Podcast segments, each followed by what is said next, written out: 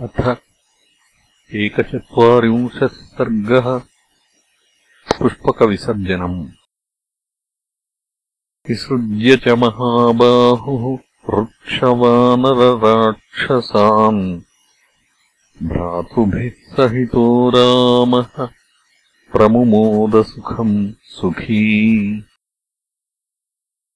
अथापराह्णसमये भ्रातृभिः सह राघवः शुश्रावमधुराम् वाणीम् अन्तरिक्षात् प्रभाषिताम्।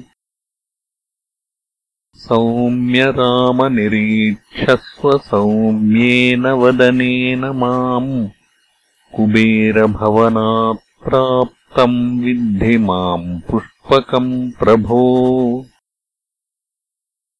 तव शासनमाज्ञाय गतोऽस्मि भवनम् प्रति उपस्थातुम् नरश्रेष्ठ स च माम् प्रत्यभाषत। निर्जितत्वम् नरेन्द्रेण राघवेण महात्मना।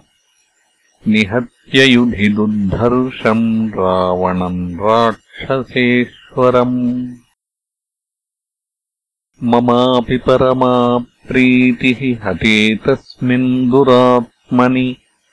रावणे सगणे चैव सपुत्रे सह बान्धवे।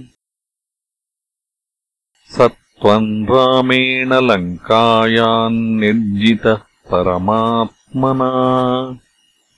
वह सौम्यतमेव त्वम् अहमाज्ञापयामि ते परमो ह्येष मे कामो यत्त्वम् राघवनन्दनम् वहेर्लोकस्य संयानम् गच्छस्व विगतज्वरः। शासनमाज्ञाय धनदस्य महात्मनः। त्वत्सकाशम् अनुप्राप्तो निर्विशङ्कः प्रतीच्छ माम् अदृश्यः सर्वभूतानाम् सर्वेषाम् धनदाज्ञया।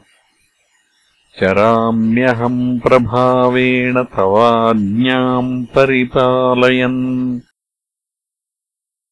एवमुक्तस्तदा रामः पुष्पकेण महाबलः। उवाच पुष्पकम् दृष्ट्वा विमानम् पुनरागतम् यद्येवम् स्वागतम् तेस्तु विमानवरपुष्पक आनुकूल्याद्धनेशस्य वृत्तदोषो न नो भवेत्। लाजैश्चैव तथा पुष्पैः धूपैश्चैव सुगन्धिभिः पूजयित्वा महाबाहू राघवः पुष्पकम् तदा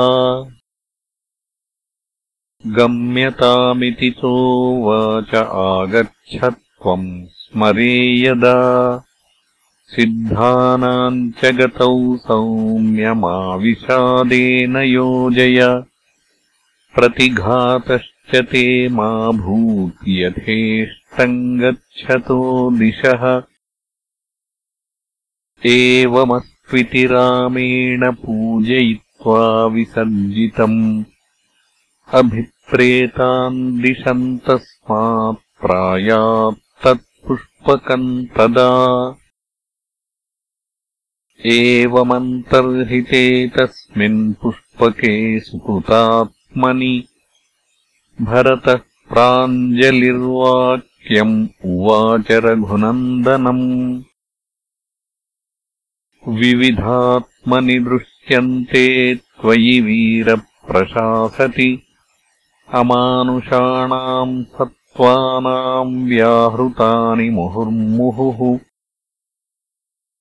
अनामयश्च सत्त्वानाम् साग्रोमासो गतो ह्ययम्। जीर्णानामपि सत्त्वानाम् मृत्युर्नायाति राघव प्रसवानार्यो वपुष्मन्तो हि मानवाः हर्षश्चाभ्यधिको राजन् जनस्य पुरवासिनः। काले वर्षति पर्जन्यः पातयन्नमुतम् पयः। वाताश्चापि प्रवाञ्चेते स्पर्शयुक्ताः। सुखाः शिवाः ईदृशो नश्वरो राजा भवेदिति नरेश्वरः। कथयन्ति पुरे राजन् पौरजानपदास्तथा। एतावाचः समधुरा भरतेन समीरिताः। श्रुत्वा रामो मुदा युक्तो बभूव नृपसत्तमः इत्यार्षे श्रीमद् रामायणे वाल्मीकीये आदिकाव्ये उत्तरकाण्डे एकचत्वारिंशः सर्गः